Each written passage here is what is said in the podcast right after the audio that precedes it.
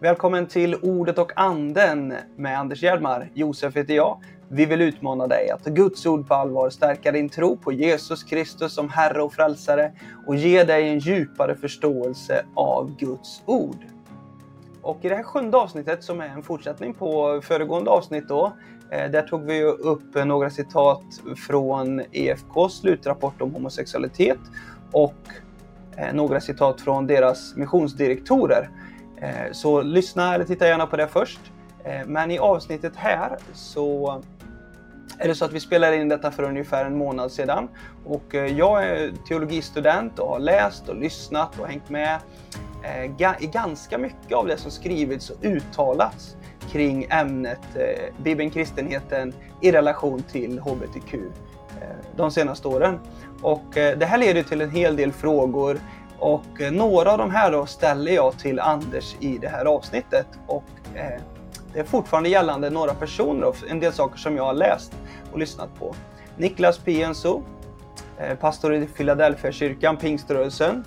Eh, och så har vi en del frågor gällande eh, Mikael Telbe, docent i Nya Testamentets exegetik vid Lunds universitet och lärare vid Akademi för ledarskap och teologi, ALT.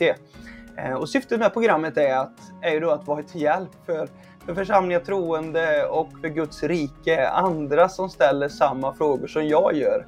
Eh, och min fråga till dig är ju så här, präglas du och din församling av bibellärare, teologer, predikanter etc. som ger dig en god tro på Guds ord? Eh, det här avsnittet är inte uttömmande kring ämnet och inte allt som de här personerna har sagt eller skrivit heller. Eh, men det fångar några av de mest aktuella frågorna, tänker jag.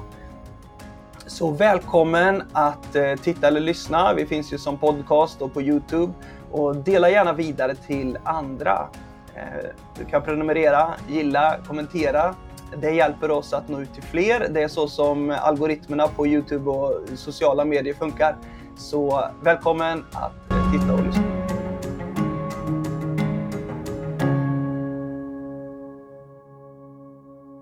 Välkommen Anders till eh, ytterligare ett avsnitt här av vårt program. Tack så hemskt mycket.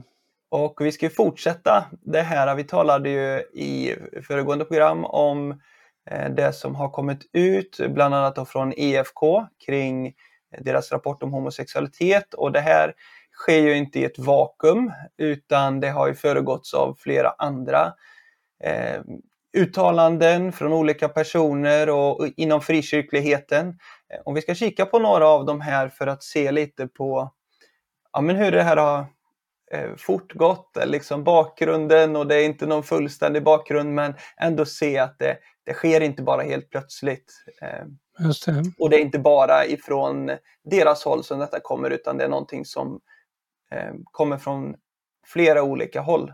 Okej. Okay. Och eh, då så, eh, alltså i, i höstas eh, så hade vi ju eh, Niklas Piensoho som gjorde några avsnitt och eh, eh, uttalade sig kring homosexualitet. Eh, och det blev väldigt omtalat och, och eh, omskrivet.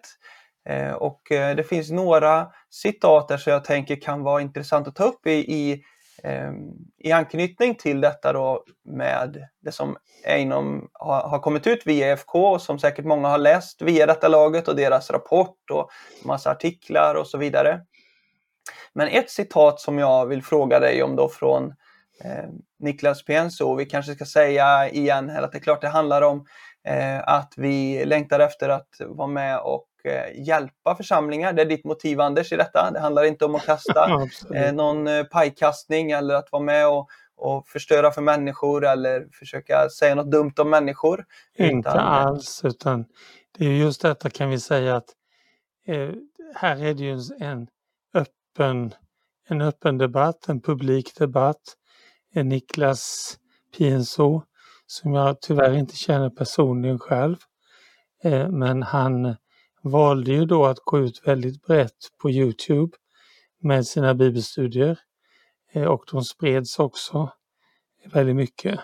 Så att jag menar, går man ut publikt, jo, men då får man räkna med att man får också reaktioner publikt så att säga. Men vi vill hela tiden att det som vi gör, säger här blir till nytta för kristenheten. Även om det ibland är skarpt. Men det kan också behövas en, liksom, en klargörande debatt kan man säga. Klargörande samtal. Och som en teologisk högskola så, så tycker vi det är bra att det samtalas och eh, diskuteras kring saker också. Det är bra Absolut. För... Det är en av de sakerna som vi lär våra studenter som jag tycker är väldigt viktig. Mm. Men i alla fall då, jag tar ett citat här och så eh, någon fråga till dig. Då säger Niklas Pienso så här i ett eh, av sina avsnitt där då, undervisningspass och det är nog kanske i, i frågestunden. Eh, låt mig ta vigselrätten först. Eh, han fick nog två frågor. Jag uppfattar inte att jag lyft den frågan och har inte för avsikt att lyfta den frågan. Så när jag talar om detta har jag inte i åtanke att vi behöver ändra våran vigselordning. Och det här är ju återigen, för då ska man ju veta att eh, Niklas Piensohor då, han går ju längre än vad EFK gör. Han eh, menar att, eh, att det inte direkt då är någon är synd med homosexuella handlingar. Visst är det så Anders, om jag inte har misstagit mig? Det kanske är diffust där också? Det, jag tycker nog att det är lite diffust. Men om jag lyssnar på hans bibelstudier så är det ju intrycket är ju det det du har också. Det är samma intryck. Eh, jag vet inte om han har fått den raka frågan och svarat på den. Nej. Är homosexuella handlingar synd. Men av allt att döma så, om man tittar på helheten i det han har sagt, så kan han ju inte betrakta homosexuella handlingar som synder som man måste avhålla sig ifrån. För i så fall skulle han ju tänka på ett helt annat sätt. Precis. Oavsett det då så kan man i alla fall se att han, han kör samma uppdelning mellan att tala om homosexualitet å ena sidan och att tala om äktenskap. Liksom. Att det är en annan sak, att vigsel skulle vara en annan sak. Att mm. man säger att nej men jag tar inte upp frågan om vigsel här. Och, och, för mig då, som jag sa i vårt förra avsnitt, så blir det otroligt konstigt att man kan dela upp dem. Och han kanske delar upp det skarpare än vad EFK har gjort den så länge då i alla fall, där han säger att Nej, men det, här, det här är inte en, en vigselfråga jag talar om. Eh, men, men kyrkan har aldrig tillåtit sexuella handlingar utanför äktenskapet, om jag förstår det rätt. Nej, men så är det ju. Absolut. Det har ju varit eh, liksom ett, ett rött skynke och alltid varit fördömt. Även om man kan ju säga kyrkan har naturligtvis själv levt i synd i, i, periodvis och så, det är en annan sak. Men om vi säger att kyrkoläran, kyrkans morallära eh, har ju entydigt varit för det, det monogama äktenskapet utom i några väldigt udda sammanhang. Då. Och de har varit väldigt marginella också. Så att eh, det, det är helt rätt så tillvida. Mm, mm. Just det. Eh, Nej, men jag, tror ju, jag tror ju, om jag får avbryta det där, ja. jag tror det är så här att eh, många av de som då driver den här agendan med att öppna upp för, för eh, samkönat i kristna församlingar, de är ju lite också strateger. Att de mm. tänker så här, vi kan inte ändra allting på en dag vi kan inte ändra allting direkt. Eh, det var en stor intervju med PNSO. Eh, det, det ska jag inte säga. Det var en stor artikel om Andreas Wik i Dagens Nyheter. Typ fyra, fyra helsidor eller någonting. Ja, om det var en söndag kanske, för någon månad sedan. Och där också PNSO figurerade och citerades. Och där han då mm om han nu är rätt citerad vill säga, så säger han liksom att för att det finns ju de som pressar på för att utvecklingen ska gå snabbare mot att öppna för de samkönade. Men då säger han ju då, enligt Dagens Nyheter, så säger han ju att eh, ja men lugn, vi, nu har vi tagit de första stegen i dansen, så att säga. Så att för, det låter ju som för honom är ju det en tidsfråga när man går längre än man har gjort nu så att säga. Men Mm. han inser också att han kan inte, för han har ett massivt motstånd från, från många medlemmar. Det känner jag till själv för att jag känner en hel del av dem. Inte, ingen stor, stor del av numerären, men jag känner många och eh, har kontakt eller på olika sätt så hör de av sig och så. Va? Och, och man hör ju detta att det, det finns ju ett stort, stort missnöje med hur frågorna hanterats hittills. Och Niklas Pienso får gärna höra av sig och, och eh, säga att han inte alls står för detta som DN har skrivit i så fall. Så Oh ja. säger vi gärna det i något senare avsnitt. Men, Mycket gärna. eh, mm. Eh, Jag har ett annat citat från eh, Pienzos eh, eh, Eh, frågestund där och det är klart det är en frågestund så det är inte alltid säkert man är så genomtänkt. Men han säger så här. Vi har ju så konstiga samtal. Får man vara medlem om man är homosexuell? Frågetecken. Jag har ju varit pastor i, nu i 33 år och haft många samtal med människor. Och när folk säger får jag vara med i församlingen? Så har jag ju aldrig mot slutet av samtalet sagt Ja, det är ju en fråga till jag behöver ställa till dig. Hur är det med din sexualitet? Jag förstår inte hur man skulle kunna ställa den frågan. Den är ju så integritetskränkande. Och ni kan ju bara tänka er själva, jag då som är heterosexuell, när jag då får mina grabbar vara med här i fotbollsklubben? Ja, visst, svarar de då. Ja, jag vill bara att ni ska veta att jag är heterosexuell också, eh, skämtar han här om sitt svar, eller, eller i berättelsen, eh, den här analogin, liknelsen. Jag skulle aldrig säga det. Det skulle ju kännas hur konstigt som helst utan det skulle ju kännas hur konstigt som helst. Utan ofta är det ju så att man älskar den här församlingen eller man känner här vill jag vara med och så säger man får jag vara med? Och sen någonstans längs vägen när man har lärt känna mig eller någon annan av pastorerna och tänker jag tror jag kan lita på den här personen. Då kan det hända att man säger kan vi få prata? Och då har den personen i regel redan varit i ledarskap, funnits med och vi har sett den här personen i funktion. Och då blir frågan, ska vi ta bort den människan? Hur gör man det? Eh, det, var, det var ett långt stycke här, men eh, för mig, alltså det är ju märkligt. Det, det är så många saker som är felvända i, i hur det här fungerar i så fall i, i församlingen kanske. Jag vet inte, och det kanske är det generella, men, men eh, man borde väl inte sätta in människor i ledarskap och man borde undervisa så att människor vet vad som gäller i församlingen och så vidare. Ja, det är väl det jag tycker då att särskilt nu i, i, när vi är i en situation där de här sakerna verkligen är på bordet. Det är klart att en församling, tycker jag, bör klargöra var man står någonstans i, i äktenskapsfrågan. För att, eh, och då uppkommer ju inte de här, eh, som han säger då, konstiga situationerna så att säga. Eh, så att jag vet inte om det där är en sån där väldigt realistisk beskrivning. Eh, Men det får ju stå för honom så att säga. Men, men jag tycker väl också det att analogin mellan församlingen och fotbollsklubben, ja men det kanske säger en hel del. Va? Det kanske säger en hel del om ens församlingssyn i så fall. Att det är, tycker, skulle jag säga, ganska ytlig församlingssyn.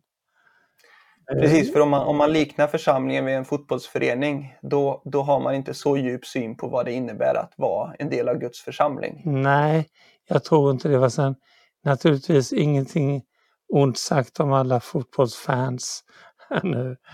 Eh, Och de kan ju vara mera hängivna kanske än folk i församlingar för den delen. Jag menar, jag ser inte några folk gå med några, vad ska jag säga, eh, EFK-halsdukar eller pingsthalsdukar och, och så vidare. va, Och roliga mössor och måla sig i ansiktet och sådär för att de tillhör en församling. Men, eh, men, men i alla fall så, så är det klart att eh, nej, det är, en, det är en ytlig analogi utan det är väl bättre att man, eh, har en klar linje i en församling och står för den. Och då blir mm. det naturligtvis inte accepterat av alla eller uppskattat av alla. Så kan det vara. Men det får man, det får man ta som en del av kostnaden då för att ha en profil. Och den liknelsen är tagen i en frågestund här så är det säkert så att Niklas skulle ju säga att det är klart han tänker att församlingen givetvis är någonting djupare ja. än en fotbollsförening. Men, men det finns ju saker här som är problematiska vad gäller medlemssyn och så vidare då. Eh, Absolut. Mm. Absolut. Och annan... det, problemet egentligen, om vi tittar mer på det han säger, kärnan i problemet, det är ju just att han inte har en biblisk eller uttrycker, ska vi säga, en biblisk mm. syn på homosexuell utlevnad. Det är ju det han skulle gjort här i det här läget. Säga, jo men det vet vi ju från skriften att det är fel att med, att, att, eh, med homosexuella handlingar. Det skulle han ju ha sagt då. Va? Eh, men det kanske han inte tror. Jag skulle tro att han inte tycker det. Mm. Alla människor behöver höra evangeliet om Jesus Kristus, för det är det enda sättet att bli frälst. Du som lyssnar på det här, du är kallad att vara ett vittne. Att vittna om, om Jesus Kristus. Jag, jag börjar om på nytt.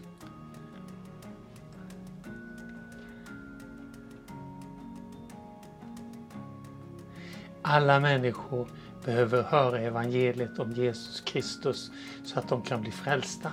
Men vem ska predika? Du som hör detta, du är kallad att vara ett vittne. Att vittna om Jesus från där du bor till jordens yttersta gräns. På Skandinavisk teologisk högskola har vi en speciell utbildning för dig som är kallad till tjänst. Bachelor of Arts in Ministry. Där får du både en djup och rejäl teologisk grundkunskap, bibelkunskap, lära dig läsa innantill verkligen, men också träning i det praktiska arbetet. Du får en mentor, du får eh, på olika sätt öva dig och få kunskap om hur man tjänar i den heliga Andes kraft. Du som är kallad Investera i din kallelse. Du kommer inte ångra dig.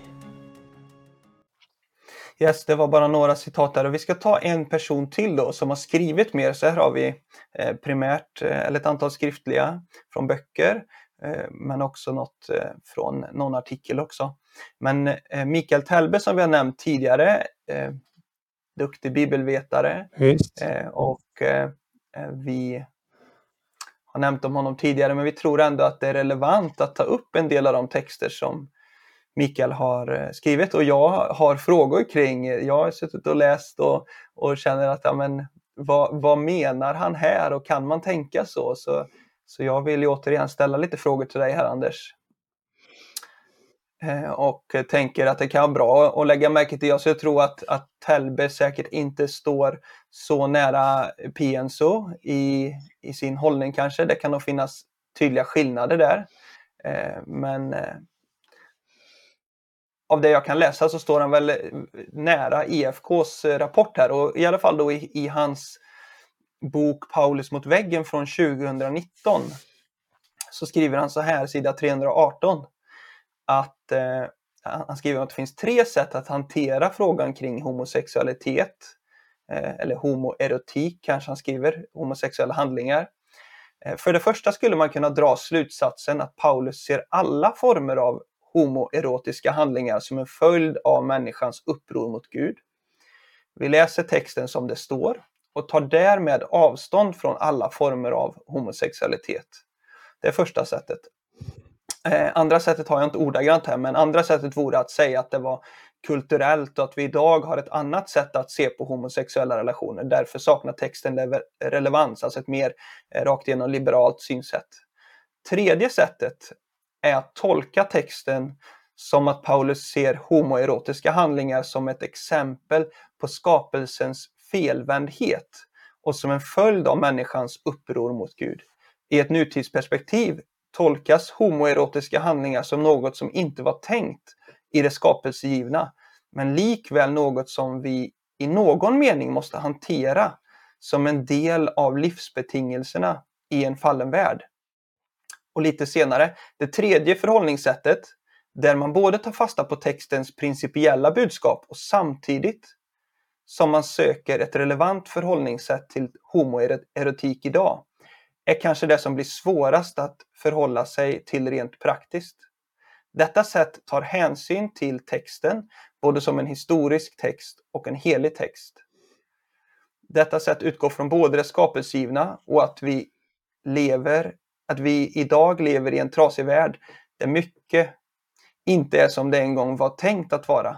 Den som läser texten på detta sätt behöver såväl resonera utifrån det skapelsegivna som att hitta ett klokt och ansvarigt sätt att hantera det brustna i en sargad värld. Och det är det tredje sättet här som Telbe argumenterar för. Och det första som, som jag gärna frågar kring är ju, alltså i det, i det första synsättet, att man skulle se alla former av homoerotiska handlingar som en följd av människans uppror mot Gud. Eh, att vi tar avstånd från alla former av homosexualitet. Och det måste ju innebära här då att Telbe ser det som problematiskt, det här första synsättet som han raddar upp här. Alltså han gör det, det som ju är, är klassiskt i, ofta i när man argumenterar, så har man ju eh, två ytterligheter kan vi säga. Och sen hittar du en tredje, en tredje väg på något sätt. Då, va? Eh, och det är det som blir liksom den vägen som funkar. Eh, det är lite så han lägger upp det här. Jag skulle vilja säga att den enda bibliska vägen, det är ju den första han tecknar. Nämligen att, att eh, det är ett uppror mot Gud. Han kan man väl säga att han anknyter mer till Romarbrevet där än, än till första Korinthierbrevet 6. Eh, men att, att han så att säga den, att han inte ser det som en väg. Och den liberala vägen vill han heller inte gå. För det gör han inte. Mikael är ju en, en troende broder som, som uh, har respekt för, för Guds vilja och, och så, så att det är inte är fråga om det. Men det är klart att hans lösning här är ju ganska ohållbar i alla fall. Eh, den tredje vägen då för att, ja, det beror ju på. Men låt oss säga så här, om vi utgår ifrån att skriften är Guds, Guds andade ord där Gud talar klart och tydligt till sitt folk i relevanta frågor inklusive äktenskap, sexualitet och i det här fallet då om vi tar första kår 6 till exempel eller 5, 6, 7. Eh, han verkligen hanterar de frågorna. Ja men då utifrån en sån bibeltro så är ju hans argumentation ohållbart. Och vi ska återkomma till första Korinthierbrevet 6 här sen också. Men jag tänker på eh, hur han uttrycker sig här att, att det tredje sättet är att tolka texten som att Paulus ser homoerotiska handlingar som ett exempel på skapelsens felvändhet och som en följd av människans uppror. Eh, så, så, det blir någonstans något led senare i alla fall att de här homosexuella handlingarna är en följd av människans uppror mot Gud. Och det är väl så Romarbrevet givetvis talar om, men det kan ju bli lite att man distanserar det från att vara synd i sig. Exakt. Utan vi talade om i EFKs rapport så skrev de om naturlig brustenhet ja. istället för moralisk eh, eh brustenhet eller moralisk synd eller vad Man de kan säga så här också, problemet med den argumentationen det blir ju också att det är grundläggande Guds fel kan man säga. Va? Att Gud, ja men det är Gud som liksom eh, det blir ett tecken på, på upproret mot Gud och så va? Men, men man tar inte fram det som faktiskt Paulus gör i, i Romarbrevets första kapitel där han verkligen pinpointar eh, hur kvinnor ligger med kvinnor och män ligger med män och det är skamligt och så vidare och det är liksom verkligen förkastligt. Alltså man, man plockar bort det, man mjukar upp det va, kan man säga. Det är det som, som Mikael gör här också, att han mjukar upp det här. Men ger inte plats för de riktigt skarpa uttalandena. Och det är väl det som jag har svårt att förstå hur man kan hoppa över det om man eh, är en evangelikal exeget. Och med evangelikal menar då att man, man tar Bibeln på allvar. Mm, mm. Vi har här eh, alltså ord som det är en konsekvens av...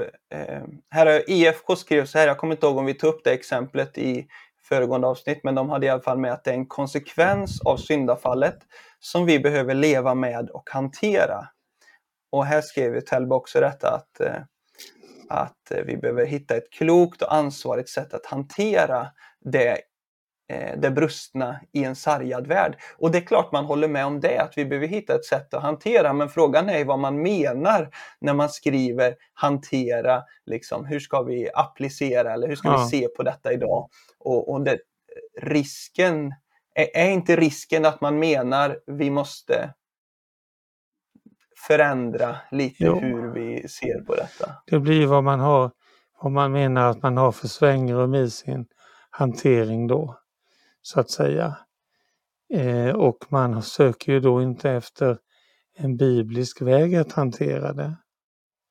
För en biblisk väg att hantera det, det är ju det Paulus gör, nämligen att han med väldigt kraftiga varningar eh, liksom fördömer de här handlingarna. Väldigt, han har inte kraftigare, ska vi säga, kanoner i sin, liksom, i sin eh, eh, vokabulär eller sin teologi än de man använder i de här sammanhangen.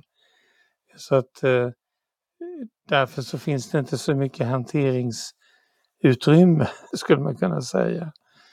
Utifrån, mm. eh, om man nu vill gå på, på Paulus-texten.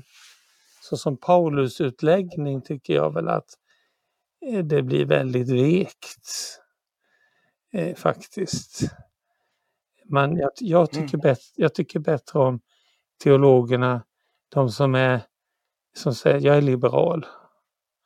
Och så berättar de att jag tycker att det här, de här texterna de är, de är gammalmodiga, de hör inte hemma i vår tid och så vidare. Vi behöver inte bry oss om dem utan låt oss göra så här istället. Det tycker jag mm. är schysst, rakt. Då har man hanterat bibeltexten kan man säga på ett ärligt sätt. Va? Men, men de här lite gråzonslösningarna som det blir, de blir väldigt svåra egentligen i slutändan. Eh, så att ehm, eh, vi ska ta något citat till här då. Och eh, delvis ska jag ju poängtera här, ah, eh, Tälbe avslutar på sidan 319 i den boken för Paulus hör sexualiteten hemma i trygga förhållanden mellan man och kvinna. Så, så det är ju hans eh, grundläggande hållning givetvis. Men annars så skriver han så här också i, det här är från en artikel då i tidningen Dagen 2021. Eh, kring homosexualitet. Vad tycker du själv är frågan. Han skriv, säger då, jag har landat i att Bibeln är tydlig med att äktenskapet är mellan en man och en kvinna.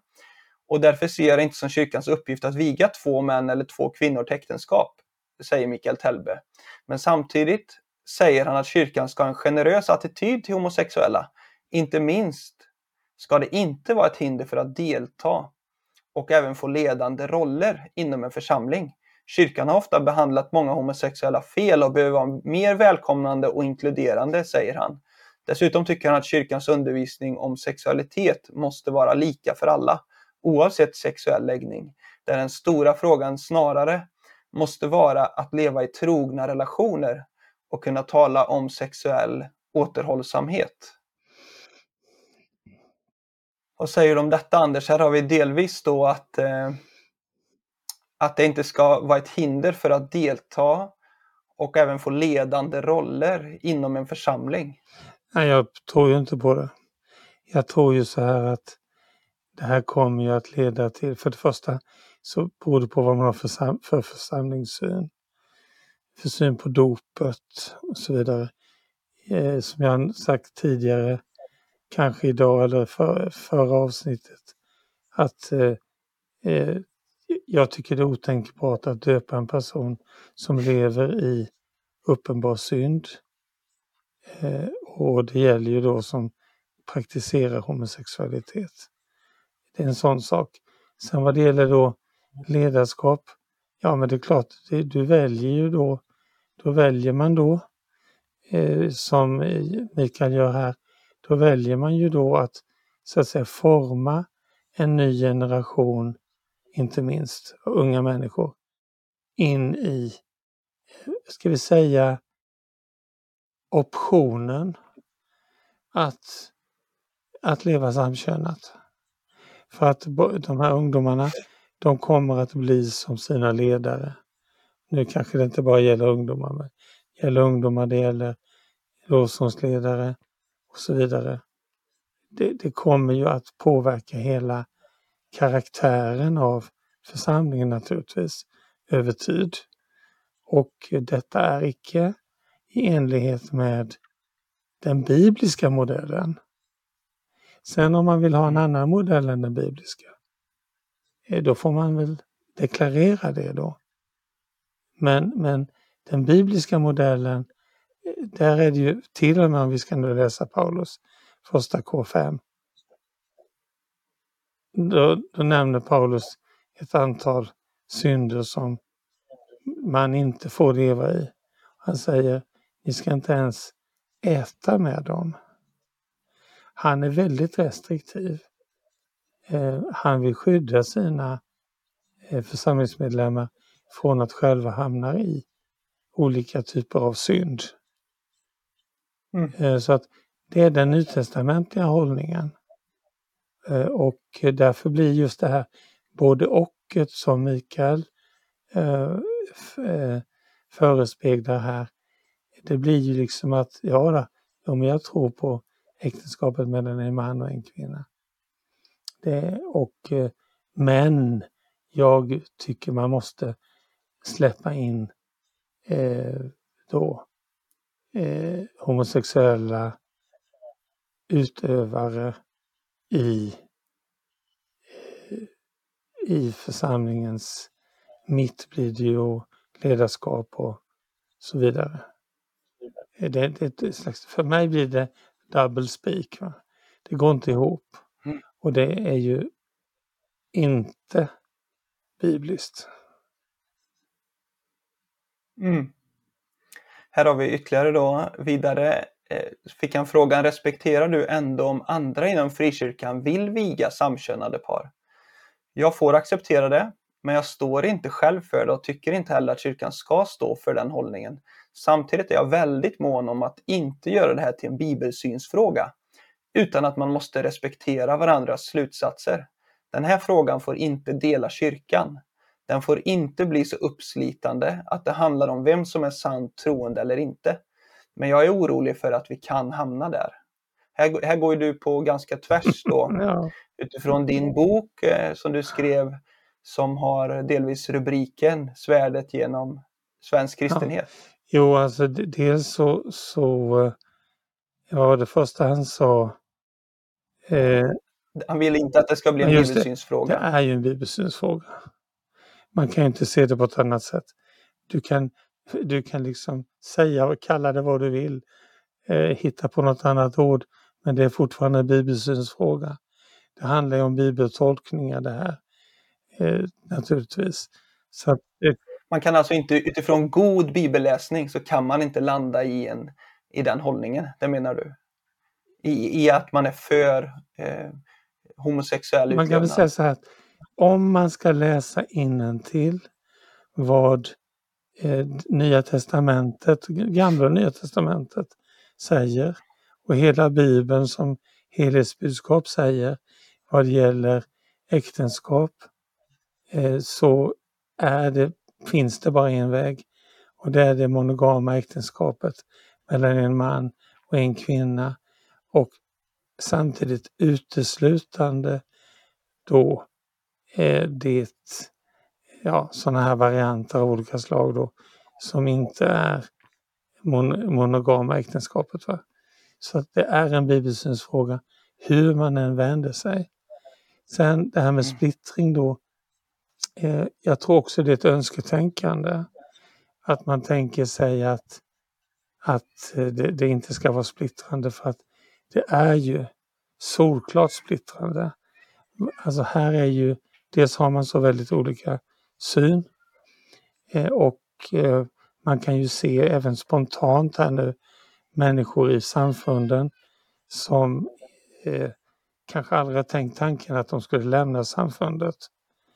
Plötsligt så är det många som vill lämna de här samfunden som, som går i liberal riktning.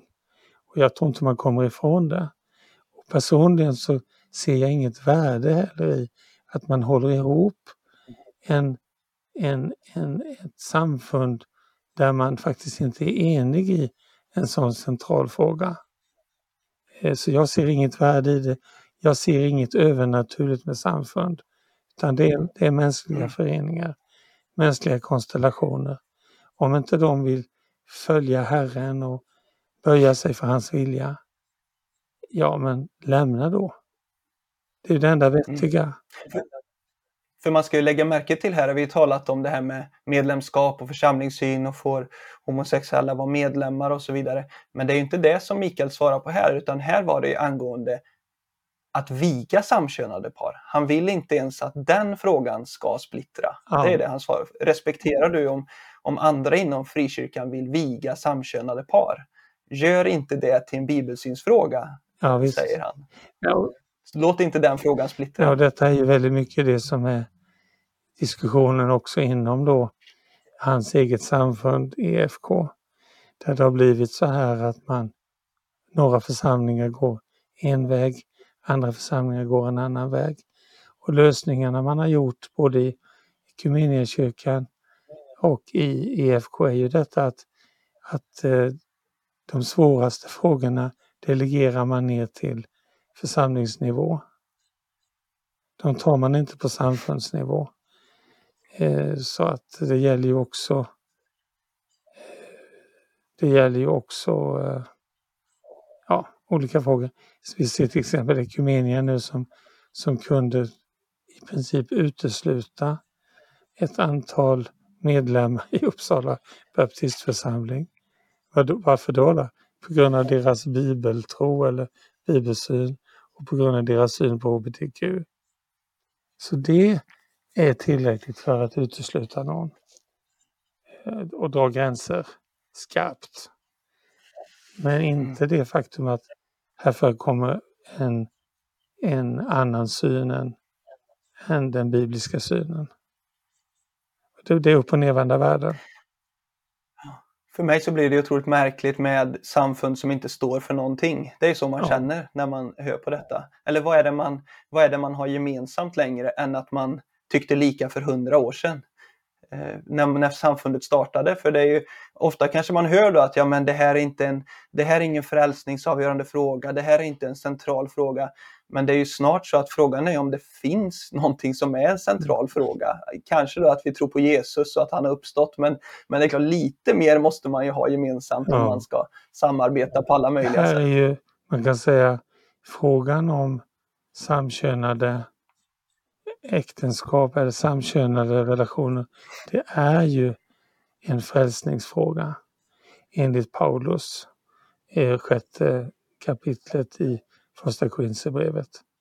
Så det är helt tydligt och klart där eh, att det är en frälsningsavgörande fråga.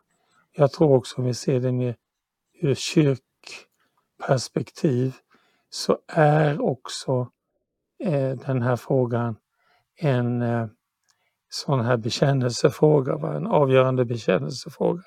Det har funnits sådana genom, genom tiderna. Vi hade ju hela reformationstiden hade vi de här man pratar statu confessionis, eh, olika frågor som var heta då, som man stred kring verkligen. Bonhoeffer tog upp eh, tråden när det handlade om 1933 när man ville förneka judiska kristna att eh, vara medlemmar i församlingen och kunna vara pastorer och sånt. Det, det, det lyfte han till en bekännelsefråga. Det handlar om status confessionis, alltså bekännelse. Det är en bekännelsefråga. En eh, kyrkoskiljande fråga.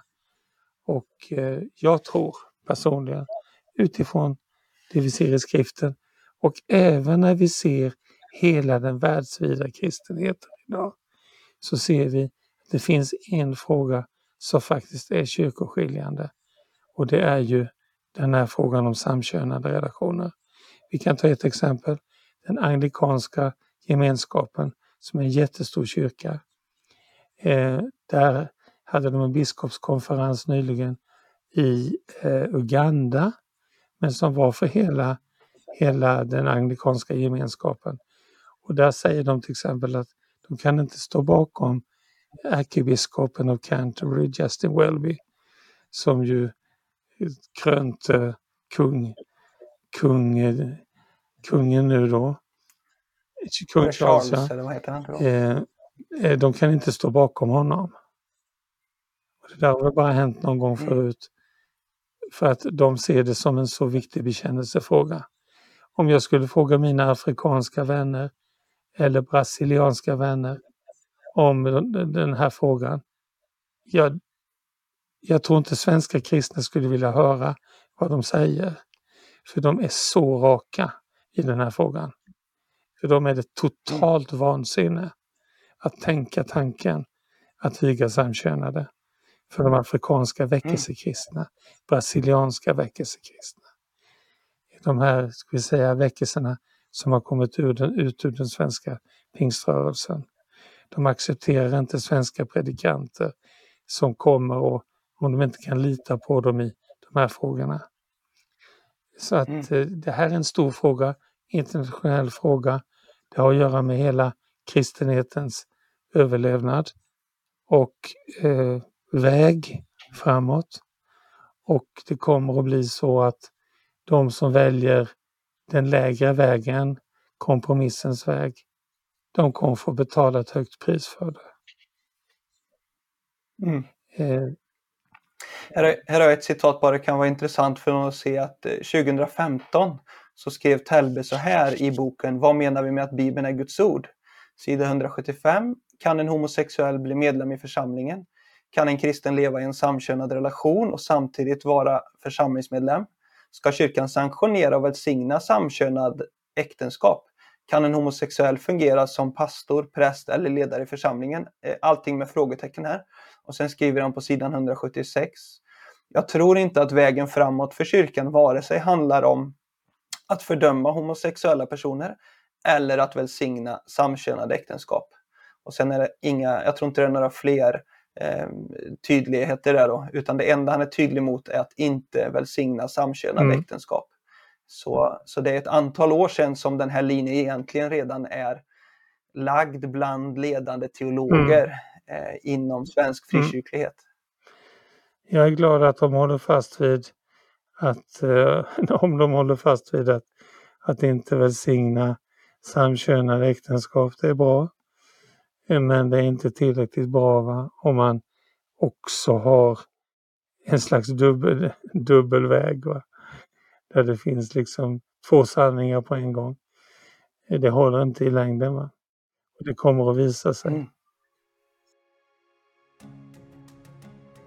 Anders Hjelmer har skrivit boken HBTQ och Bibeln, svärdet genom svensk kristenhet. Och i den här boken går han igenom de relevanta texterna som finns i Bibeln samt ett antal olika kapitel om lite olika saker. Och vi har även en ledarartikel med av Stefan Gustafsson i den här utökade upplagan. Och Anders har även en frågor och svarssektion där han svarar på ett antal av de argument som florerar. Så gå in på STH förlag, alltså sthforlag.se och köp hem boken. En sak som vi ska avsluta med Anders, det är att gå lite till första Korintierbrevet 6 och, och, även i eh, första Tim 1 så finns ju detta men, men man hör ju ofta detta att vet jag inte om jag har skrivit ner rätt och uttalar rätt och sådär. Men arsenokoites är ju ett ord där som översätts till eh, eh homosexuell kanske vad vi kan läsa första Korintierbrevet 6 och, och eh, 9. Då står det så här att eh, ja, vi går någon vers framåt till och med. Då står det eh, nu ska vi se 6 och 9. Vet ni inte att orättfärdiga inte ska få ärva Guds rike? Bedra inte er själva.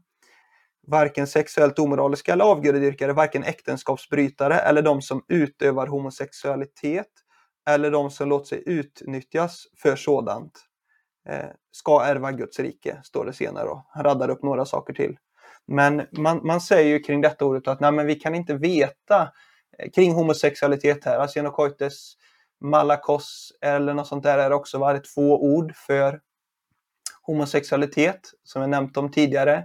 Eh, men man säger väl lätt att eh, det är inte så säkert att de här orden faktiskt handlar om homosexualitet. Det är väl en ganska vanlig eh, sätt att hantera det här bibelordet idag, att det syftar på pedofili mm. eller eh, något annat. Det är ju så naturligtvis så det här bibelstället är ju väldigt jobbigt också för att det är så pass skarpt, så pass tydligt. Eh, först kan vi notera att vi har tio olika saker som fördöms här och som talas om som allvarliga synder som, och den som lever i dem ska inte ärva Guds rike. Men två av dessa synder, det är vad som kallas för, jag tror det står malakos först faktiskt, sen arsenokoites. För det första då att, eh, ja, att de här termerna har att göra med homosexualitet är väldigt tydligt. Eh, jag vet när jag skrev min bok eh, som heter HBTQ och Bibeln. Finns fortfarande att få tag på. Eh, och den får du gärna titta på närmare som är intresserad av de här sakerna för där har jag en ordentlig argumentation kring det. Det hinner jag inte med nu. Men Malakos eh, betyder egentligen är det en omskrivning för, vad ska jag säga, mjukis, feminiserad person. Och tanken är ju då, om ni nu ursäktar för att Bibeln säger att vi ska inte ens tala om de här sakerna. Men det är ju så här att i ett homosexuellt samlag, alltså mellan två manspersoner, så eh, är ena personen den som tar emot, eh, den som så att säga tar emot eh, den här eh, könsorganet och den andra personen är den som penetrerar med sitt könsorgan.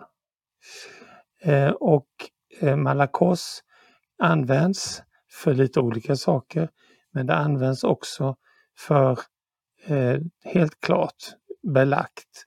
Och Det får ni kolla upp men jag har beläggen i min bok. Eh, det, det är det används helt klart för den ska vi säga, mottagande parten i ett homosexuellt samlag. Vad det gäller arsenokoites så är det så här att arsenokoites, själva ordet är eh, kanske bildat av Paulus.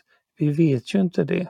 Man ska veta en sak och det är det att de, mesta, de flesta texterna eh, från en så gammal tid som 2000 år sedan, de har vi ju inte.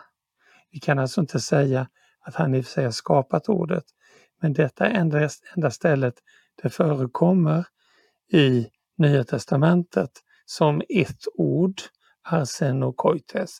Men Paulus är rabbin. Han behärskar hela Eh, det gamla testamentet på hebreiska och på grekiska. Vi har gott om belägg för att Paulus använder det grekiska språket och Septuaginta. Eh, grekiska språket självklart. Septuaginta, alltså den grekiska bibelöversättningen. Och de relevanta bibelställena vi har i tredje Mosebok 18 och 20 är det väl. Eh, där står det ju just, eh, ja, det står, jag tror det är 20, eller 2013, tror jag det står till och med, eh, ja det blir nästan när man läser det blir nästan som Asen och Koites exakt faktiskt. Så att, att Paulus inte skulle referera till detta är högst osannolikt. Han refererar till Asenokoites som en man som ligger med en man. Sen är det också viktigt att veta att båda dessa personer, både Malakos och Asenokoites, alltså båda parterna i det som, den, det som används nu i första K6, båda parterna begår synd som gör att de inte ska ärva Guds rike. Det är alltså inte så att den här Malakos skulle vara en stackars offer för pedofili eh, och att den, bara den andra är skyldig. Eh, Asenokoites är skyldig. Utan båda parterna eh, har, eh, till och med Malakos nämns före Asenokoites, om jag inte minns fel nu. Så att båda parterna är skyldiga till denna allvarliga synd. Och då faller också argumentet med, med pedofili och så vidare. Det är dessutom ganska dåligt, dåligt belagt. Så att Alltså det är väldigt svårt måste jag säga. Och nu låt oss säga, vi kan koppla loss Anders Gerdmar som är prästson, karismatiker och en del kallar mig fundamentalist, vilket jag tycker är trist.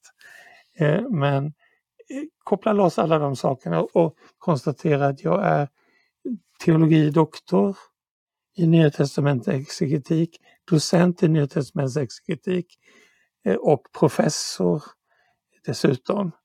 Jag har gjort min värnplikt kan man säga för att yttra mig i de här frågorna.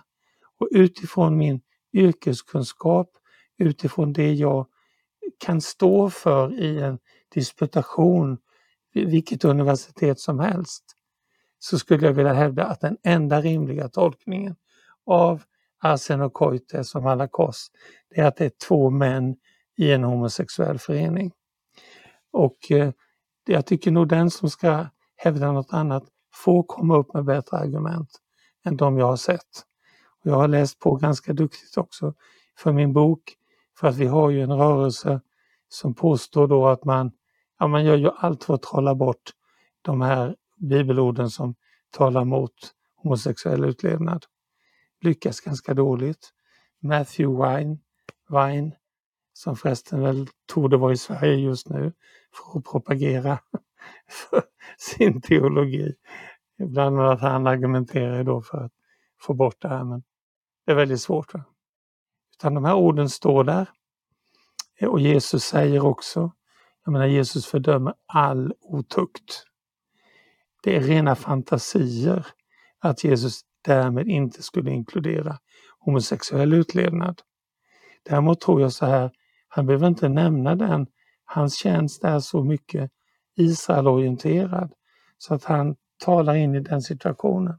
Där fanns det säkert väldigt lite öppet homosexualitet för att den bestraffades så hårt. Men Paulus i sin tjänst utanför, ska vi säga, ute i mindre Asien, han måste adressera det här rakt på och det gör han också.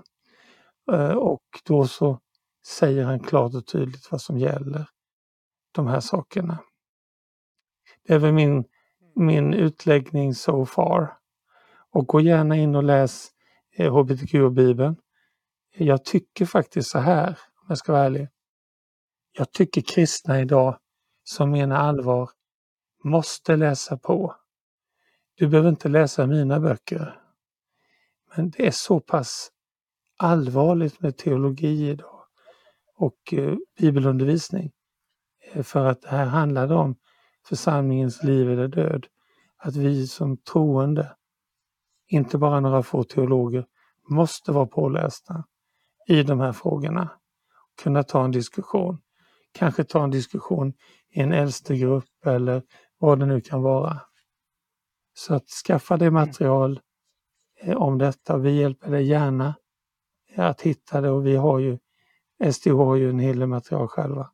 Både video och andra grejs för detta men, men vi måste ha liksom sansade diskussioner om detta. Va? Och inte bara kunna, som man gör, man viftar bort då den här listan på, på allvarliga synder i första K6, 9-10. Ja men det är en lista och listor liksom, de är inte så viktiga. Vem, vem har sagt att listor inte är viktiga? Det är klart att den är otroligt viktig. För att här går man ju igenom ett antal saker som varnar folk så att de inte ska gå miste om Guds rike. Paulus kan inte göra något mm. allvarligare än det han gör i de här kapitlerna. Så att det är bara en slapp, intellektuellt slapp argumentation, måste jag säga, kan avfärda de här texterna från diskussionen. Och jag tycker inte det är det vi ska hålla på med. Vi som är akademiker, välutbildade och så vidare, vi har fått förmånen att jobba med grundtexterna och så. Vi ska inte schabbla bort sådana här saker som, som är så tydliga i skriften. Låt folk få veta eh, sakligt. Sen får de själva ta ställning till vad de tror om, om de vill gå bibelvägen eller en annan väg. Mm, mm. Tiden springer ifrån oss Anders. Det finns fler frågor att ta upp här, men vi får ta och eh, pausa där tänker jag. Eh, tack så mycket och vi, vi får vara bedjande ja. i våra hjärtan för människor, för samfund, för församlingar, för ledare, för troende, för, för människor som behöver omvända sig och för, för allting möjligt. Och det är uppmaningen Amen. till oss att be, läs Guds ord, eh, fortsätt Amen. stå fast. Och, Älska eh, människor. Så ska, ja, precis. Så Guds välsignelse till alla som lyssnar och tittar. Sprid gärna vidare. Finns som podcast och på Youtube. Så fortsätter vi att spela in och släppa nya avsnitt framöver. Får se vad det blir för på ämnen. Men eh, tack, tack så mycket. Tack, tack Anders. Tack Hej! Skandinavisk teologisk högskola arbetar helt utan statligt stöd och är helt och fullt beroende av ekonomiskt stöd från privatpersoner, företag och församlingar. Vårt mål är att ha tusen givare och det skulle lyfta vårt arbete till en helt ny nivå. Skriv upp dig idag och bli en av de tusen som är med och bär SDH. Välkommen att bli en del av våra team.